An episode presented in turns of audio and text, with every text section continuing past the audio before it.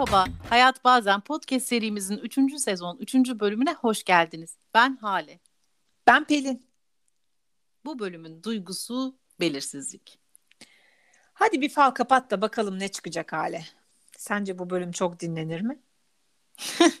Bilmiyorum ki Pelin ama dur kapatacağım. bakalım içimdekiler dışıma, dışımdakiler içime şöyle bir çevireyim bakalım. Üç vakte kadar dinleyici sayılarımızda bir artma olacak mı? bence bence Pelin'cim biz negatif duygulardan bahsediyoruz ya ondan kimseyi dinlemiyor. yok bence ondan değil. Bence tam anlaşılamadık. Ne yapıyoruz? Hı. Çünkü açıp da sürekli acılardan falan bahsetmiyoruz ne de olsa bilmiyorum ya. Ne bileyim kapak fotoğrafı falan mı ilgi çekmedi acaba? Yani bu gündemde acıma mı dinlenir demiş olabilirler. İnsan daha pozitif şeyler dinlemek istiyor.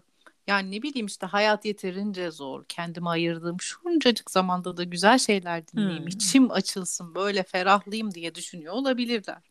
Evet olabilir ama yine biz çok olumlu da sayılmayacak bir duygu seçtik. Hem dinlenme oranlarını dert edinip hem niye negatif duygularda geziyoruz anlatayım. Duygunun e, negatifi pozitifi olmaz diye düşünüyoruz da ondan. Yani çünkü her biri birer uyarı. Sistemimizle dış dünya arasındaki haberciler. Aynı böceklerin antenleri gibi işliyor bizde de duygu algılayan bölgeler. Bu yüzden e, bizim hani bölüm seçerken, bölümdeki duyguyu seçerken kriterlerimize negatif pozitif diye bir şey yok. Ama Evet, zorlu duygularla başlamış olabiliriz. Buna kabul. Çünkü şimdi de belirsizlik diyoruz. Ama bence günümüzün en popüler konusu kitabın B dediğimiz e, yerine geldiğimizde B harfinin olduğu yer belirsizlik böyle direkt sinyallerini yakmış. Beni seç, beni seç diye bağırıyordu. Bence günümüzün en popüler duygusu. Çözümü de teknolojinin bu kadar ilerlediği bir çağda bile açıkçası pek de kolay görünmüyor. Kitabımız ne diyor? Duygular sözlüğünde belirsizlik kaçınmaya çalıştığımız, çoğunlukla hoş olmayan bir duygusal deneyim. Hayatın en büyük yol ayrımlarında şüpheye düşmek katlanılması kolay bir şey değil. Google'a istediğiniz kadar soralım. İşi bırakıp bırakmamamız konusunda ya da çocuk sahibi olma kararımızda bize faydası hmm. olmayacak diyor kitabımız. Çok da haklı. Yani kararsızlığa düştüğümüz anlarda şöyle elimizde geleceğe dair navigasyon aleti gibi bir şey olsa sağdan git, soldan git, o yolun sonu iyiye çıkacak filan. Valla müthiş olurdu. Değil mi? evet ah ah Pelin'cim keşke keşke öyle bir cihaz üretilmiş olsa hemen koşa koşa gider alırdım. Yani bu belirsizlik anlarında bize yol gösterse bak Halicim yani bu senin için daha iyi olacak. Hiç o yola hmm. girme bu yolda devam et dese yani hemen koşar alırdım. Bu şimdi bu aralar robot var ya robot süpürgeler popüler bence e, bu belirsizlik önleyici cihaz da e, bir numara olur. Köşeye bağlıyorsun orada duruyor. Evet, Sağdan evet. git soldan git. Soldan git evet evet. Bu arada Anton Çehov Çehov'un Vanya Dayı diye bir tiyatro eseri var. Benim Hı. hiç unutamadığım, çok sevdiğim oyunlardan biridir. Sonya karakteri var oyunda ve diyor ki bence gerçek niteliği ne olursa olsun belirsizlik kadar korkunç değildir. bu benim için, wow. hayatım için çok zorlandığım, çok sınandığım hissettiğim zamanlarda böyle hep aklıma getirdiği bir sözdür ve gerçekten de benim kişisel hayatımın en büyük sınavlarından biri belirsizlik kavramı, belirsizlik duygusu. Çünkü seçtiğim meslek, işte bu ülkede oyunculuk yapmak, işte garanti bir meslek olmaması, mesleğin kendisinin belirsizliklerle dolu olması, sürekli bir seçilecek miyim, olacak mı, olmayacak mı, devamı gelecek mi? Hep bir bekleme halinde çünkü işte gidecek miyim, kalacak mıyım? Hayatı netleştirememek belki de e, ilişkilerin sanat camiasındaki ilişkilerin gerçi sonradan baktım ki tüm iş dünyasındaki ilişkilerin geçiciliği hmm, hmm. işte inanılmaz bir rekabet ortamı derken bir yandan da işte ödenecek faturalar hayatını devam ettirme gerekliliği falan işte bu belirsizlik e, durumu bana hiç iyi gelmedi Pelin özellikle hayatımın bir döneminde e, bu benim ruh sağlığımı bozdu, panik atağın kıyısında dolandırdı, işte kaygı atakları yaşattı, depresyonla boğuşturdu. E, böyle dönemler yaşadım. Böyle olunca da işte belirsizlik denince, biri belirsizlik deyince ben hemen içimden böyle derin bir ah ah çekerim. Haklısın da bence. Yani o zorlu bir yeri gerçekten oyunculukta da. Hatta biz biraz tadıyoruz. Bizim mesleğimizde de öyle olduğunu düşünüyorum biraz. Çünkü yaratıcı drama eğitmenin de çünkü hani e, o sene nerede çalışacağı, nerede iş bulacağı, Yani hiç belirli olmuyor. İşte bir sene önce çok iyi çalıştığına, çok memnun dediğin okul bir sene sonra işte başka biriyle anlaşabiliyor. Ya da bir anda bir, bir sürü okuldan teklif geliyor. Karar veremiyorsun. Neyi seçeceğim, ne olacak falan gibi. Açıkçası hiçbir belirtisi yok. Zor yani hani bu meslekte. Yani Peki. zor. Peki canım Pelin'cim bana hep şey gibi geliyor suya yazı yazmak gibi yazıyorsun siliniyor. O yüzden kalıcı Ya. işler yapmak işte Evet. belki de bu podcast da o yüzden çıktı ya hani böyle uçup gitmesin konuşmalarımız bir yerde kayıtlı olsun Doğru gibi. tabii tabii. Peki Hmm. bu belirsizlik ortamında sen bununla nasıl baş ediyorsun Pelin? Bana bir akıl ver arkadaşım. podcast yaparak diyeceğim şimdi senden alıp. Valla belirli işimiz bu açıkçası. Yani bunu istediğimiz sürece yapabiliyoruz. Şartları biz Hı hı. belirliyoruz. Ama açıkçası iş hayatında öyle değil. Kolay da değil. Ben pek baş edebildiğimi de söyleyemeyeceğim açıkçası. Yani en azından şimdiye kadar çok zorlandığım bir konuydu. Belki şimdi yeni yeni. Ee, yani şey yapabiliyorum işte mesleğin zor yanının bu olduğunu kabul ediyorum. O yüzden olumlu yanlarını düşünüyorum. Niye böyle bir tercih yaptığımı hatırlıyorum. İşte ikna olmazsam başka yeni bir düzenleme daha yapmak için kararlar alıyorum. Hatta bu sıralarda yani işte öyle bir dönemdeyim. Ee, Daha fazla netliğe ihtiyaç duyuyorum. Pandemi her yeri toza dumana kattı. O yüzden biraz daha böyle e, net olmak için neler mümkün, neleri talep edebilirim. Bunları araştırıyorum. Hı hı. Sen buldun mu? Yo yo yo yo yo. Nerede? İnan ben de her seferinde belirsizlikle yeniden karşılaşıyormuşum. İlk kez yaşıyormuşum gibi oluyor. Sonra diyorum ki ya Hale bir dakika dur sen bu duyguyu biliyorsun. Daha önce de belirsizlikler yaşadın. e, tanıyorsun bu duyguyu. Daha önce de atlattın. Yine atlatabilirsin diyerek kendime telkinlerde bulunuyorum. İşte giderek bu durumu daha iyi yönetmeye çalışıyorum. Tuzaklarını daha çabuk fark Hmm. ediyorum. O tuzaklara düşmemeye çalışıyorum. Duygusuna bakıyorum. Bana hissettirdiği şeylere bakıyorum. Ne yapabilirim diye düşünüyorum. Daha böyle çözüm odaklı olmaya çalışıyorum. E, belirsizliğin yasını da e, yaşamaya izin veriyorum kendime. Harekete geçiren tarafını da yaşamaya izin Hmm, veriyorum. hmm. Açıkçası sanırım en çok da kabul ediyorum. İşte kaçmamaya çalışıyorum, savaşmıyorum. En önemlisi sanırım biraz da ona takılıp kalmıyorum. Yani onu odak yapıp onun etrafında dönüp böyle işte oraya takılı kalmamaya çalışıyorum. E, bu aralar ben Alice Miller okuyorum. Beden Asla Yalan Söylemez kitabını. E, dün bir cümlenin altını çizdim bu kitapta ve durup durup o, e, o cümleyi düşünüyorum. E, paylaşmak istedim. Diyor ki duygularımızla yaşamayı ve onlarla savaşmamayı bir kez öğrendikten sonra bedenlerimizde bir tehlikenin tezahürlerini değil, kişisel tarihimizin faydalı izlerini görürüz diyor ve bu hakikaten bende böyle bir flu durumu Hmm. netleştirdi dün okuyunca.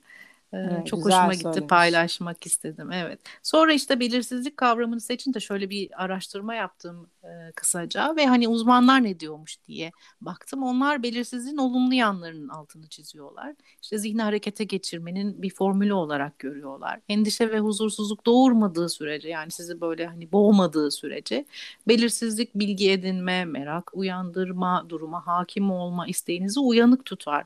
Tatlı bir heyecan doğurur ve işte gevşekliğinizi, e, Hmm. tembelliğinizi yani boşa düşmenizi engeller bir araştırma ve harekete geçirir diyor. E, bu tarafları da bence önemli.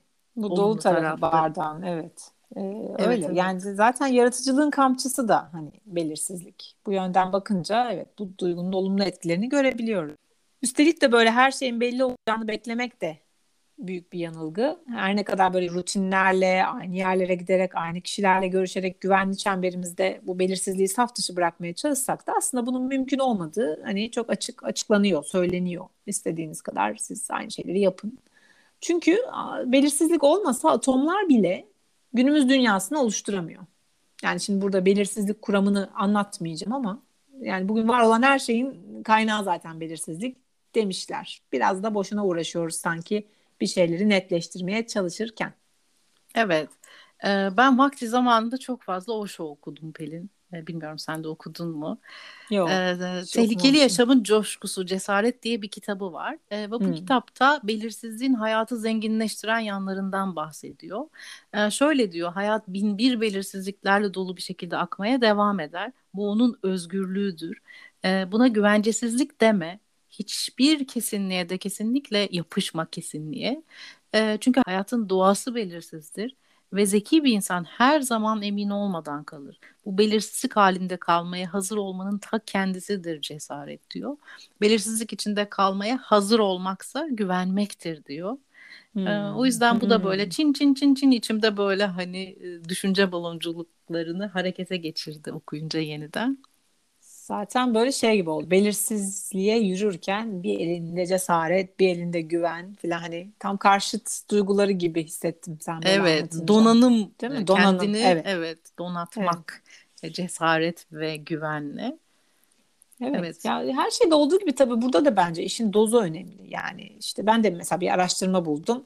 Orada da işte ne kadar yükselirse belirsizlik o kadar kaygı arttığı için olaya odaklanıp çözüm de üretemiyorsun diyor.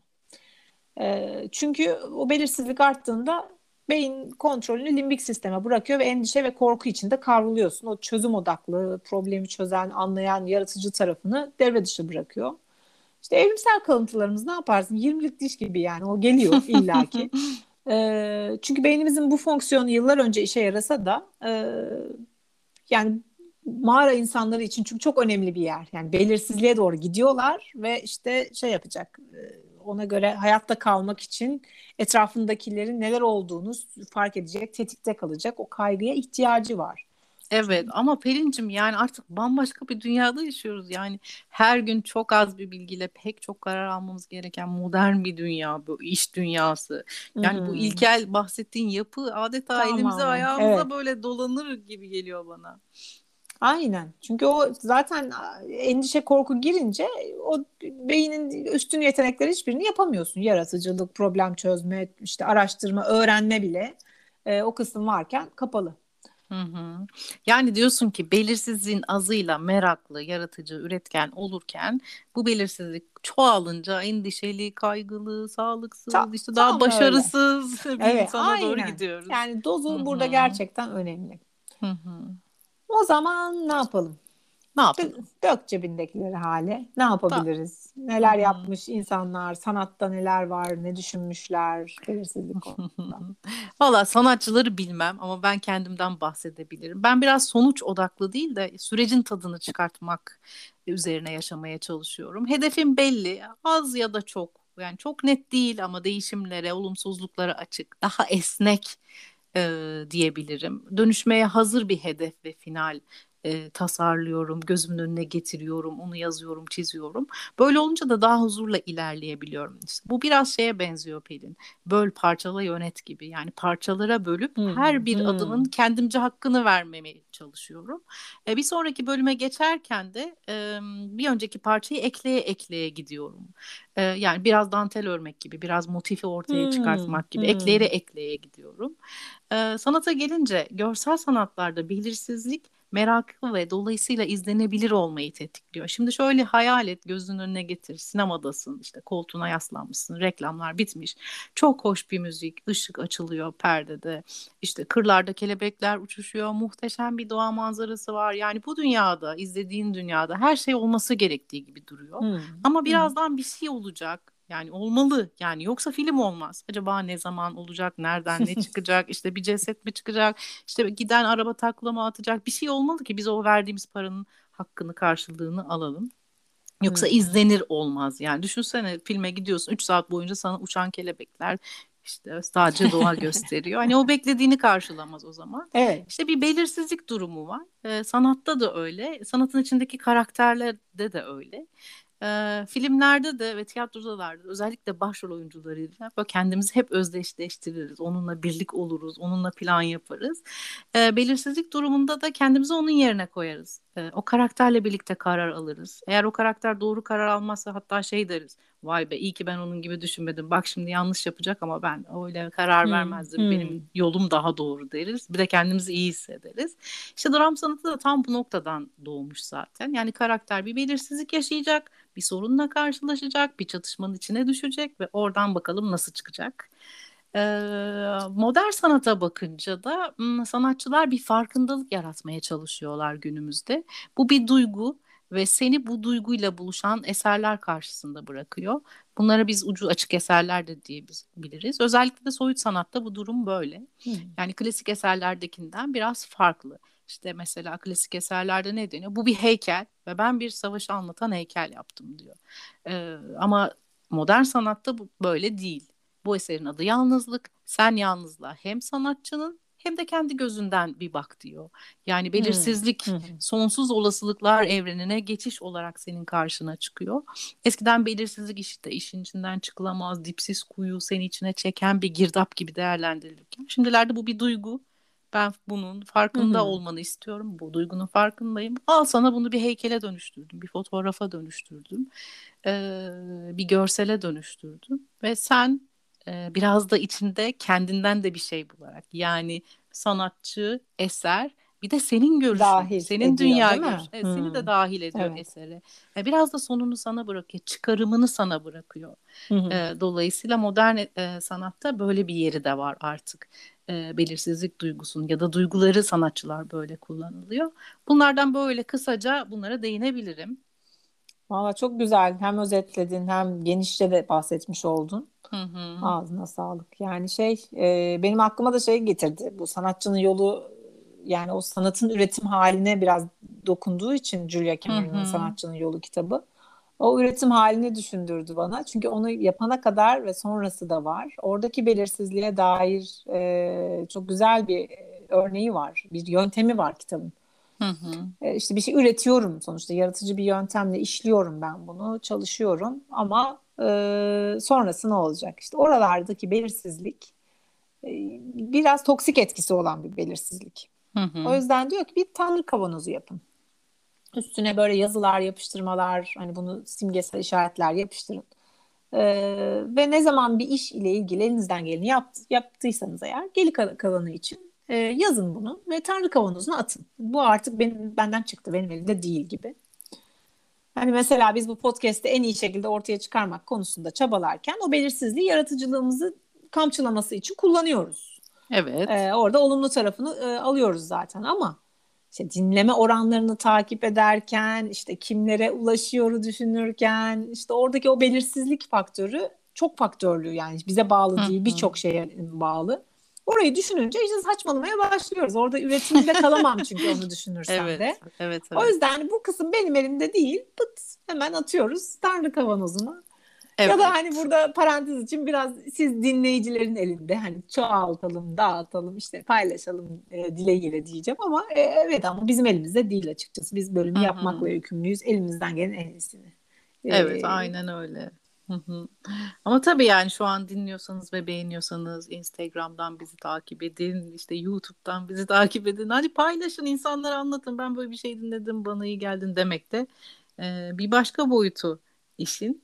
Evet. Ee, araya da böyle şey koymuş olduk. Belirli bir şey koymuş olduk. Evet, kendimizin reklamını yapmış olduk. Bu sizin elinizde, bizim elimizde evet. değil ama. Hadi bakalım, diye. elinizdeki gücü kullanın. o parmaklarınızı kullanın, tık tık tık tık diye. Ee, bu, şimdi sen böyle anlatınca benim aklıma hemen bizim çok sevdiğimiz, üzerine çok düşündüğümüz, konuştuğumuz Kurtlarla Koşan Kadınlar kitabı geldi Pelin. Hmm. Sen de bunun atölyelerini hmm. düzenliyorsun. Ee, belki buraya hani oradaki yaratıcılık e, kısmını, belirsizliğin yaratıcılığa dönme kısmıyla ilgili evet, bir şeyler evet, anlatmak evet. istersin. Ya şey e, zaten o kitabın ilk masajı Vasalisa e, evet. masalı çok net bir örnek bu belirsizlikle başa çıkmakla ilgili. E, bu, bu masaldaki bebek e, kızın hani biraz kısaca anlatayım. E, kızın sezgilerini temsil ediyor aslında e, elinde tuttuğu bebek ve annesinden ona iletilen bu bebek. E, ve kız ne zaman bir belirsizlik yaşasa soruyor bebeğine o doğru yolu gösteriyor. Hatta bölümün başında da konuştuk ya böyle bir navigasyon aleti olsa elimizde biz buna gezsek yolun sonunu bize göstersek. evet yani, evet. iyi Belirsizlik robotu değil mi? Aynen işte bu da öyle bir bebek. Ee, işte bunu anlatıyor bu masalda ve sezgilerimize güvenmeyi ve sezgilerimizi tanımayı e, anlatan bir masal bu. Kitabın tabii o bölümünde Estes'in yorumlarında da e, bu konuda kafası karışanlara yol gösterecek e, şeyler de var, yazılar da var. E, çünkü günümüz dünyası açıkçası hepimizde annemizden kalan bir sezgi bebeği olmayabiliyor. Hı hı. Öyle olunca da o başkalarının kararları ile aşmamız gerekiyor o belirsizlik anlarını. E, açıkçası bu da yani çok kendini gerçekleştirmek gibi değil. O yüzden hani bu konuda bir şeyler okumak isterseniz kitap çok iyi bir örnek. İyi hatırlattın Hale. Sen çok de güzel çok oldu. çok güzel anlattın. O koca kitabı çok özel masalı gayet güzel özetledin. Teşekkür ediyorum kendi adıma. Pelin gel istersen bir de şu belirsizlik duygusunun bedenimizdeki izlerine bakalım. İşte ben hep kaygılı bir insanım. Hep öyle derdim. Artık demiyorum. Kendimi öyle Hmm, etiketlememeye hmm. karar verdim ama kaygılı ve belirsizlik dönemlerinde hemen eskiden kendimi koltuğa bırakırdım. Battaniyenin altına sarılırdım kendime. İşte sıcak bir şeyler açıp böyle hüzünlü hüzünlü şeyler dinler, izlerdim. hmm. Ama bakıyorum ki yani şimdi belki de bu yaşımın ge- getirisiyle yani bunun bana bir faydası yok ama istersem yine o duyguya geri döner battaniyenin altına sarılır bir günümü de öyle geçirebilirim ama fark ettim ki harekette kalmaya çalışmak işte biraz yoga yapmak meditasyon yapmak yani hiçbir şey yapamıyorsam çıkıp dışarıda yürümek bana çok çok daha iyi geliyor işte evin bir alanını temizlemek bir şey düzenlemek, bir müzik dinlemek, e, bunlar bana Hmm, iyi hı geliyor. hı. Yani hareketsizlikten daha iyi geliyor. E, o yüzden belirsizlikle ilgili harekete geçmek e, sanırım daha iyi benim, benim açımdan.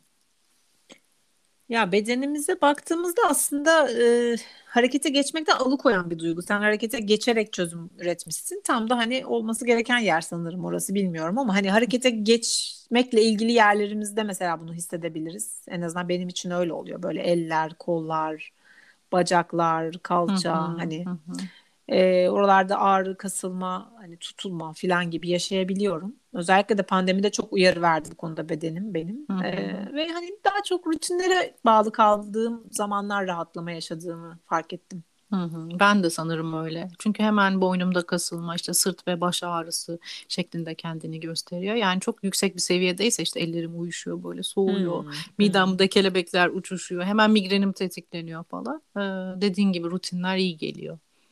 Evet. Sanattan örneklerine bakalım diyeceğim ama aslında Olur. burayı e, Instagram'a bırakmak istiyorum. Yani orada eserleri paylaşalım, altında konuşalım. Hani dinleyenlerden gelsin isterim. E, acıma bölümüyle ilgili çünkü çok güzel örnekler paylaşıldı. Sizden gelenleri hı. de toparladık. Hani bir hashtag altında toplanmış oldu. Şimdi bunun için de yine e, böyle hayat bazen belirsizlik hashtagiyle de e, çoğalalım isterim. Hı Hani benim burada biraz kısaca bahsedeceğim ama Instagram'da da mutlaka koyacağım. Boş'un eserleri var. Hı açıkçası hı. çok yani cennet cehennem tasvirleriyle falan çok e, belirsizliğe karşı yapılmış. Hani orayı rahatlatmak için yapılmış eserler gibi diye hı. düşünüyorum. Hı hı. Ee, sonra sürreal eserler böyle belirsizliğin yansıması gibi hani e, böyle de bir şeymiş belirsizlik gibi hissettiriyor bana. Hı hı. Ee, edebiyatta da mesela bilinç akışı tekniğiyle yazan e, yazılarda es, ya da eserlerde hani o o kadar kişinin zihnindeki o yapıyı görüyoruz ki Hı hı. e, belirsizliğin o kişideki düşüncelerindeki yerini, dolanmasını, hani oralarda gezinmesini takip edebiliyoruz. O açıdan severim de bu tekniği de. Hı hı. Ee, ben şimdilik bunlardan bahsedeyim ama sizlerden gelecekleri de duymaya heyecanlıyım. Ee, merakla bekliyorum. Evet, o zaman şöyle diyelim mi? Sizden gelen belirsizlik ve sanatla ilgili örneklerle çoğalabilmek dileğiyle bir sonraki bölümde görüşmek üzere. Görüşmek üzere.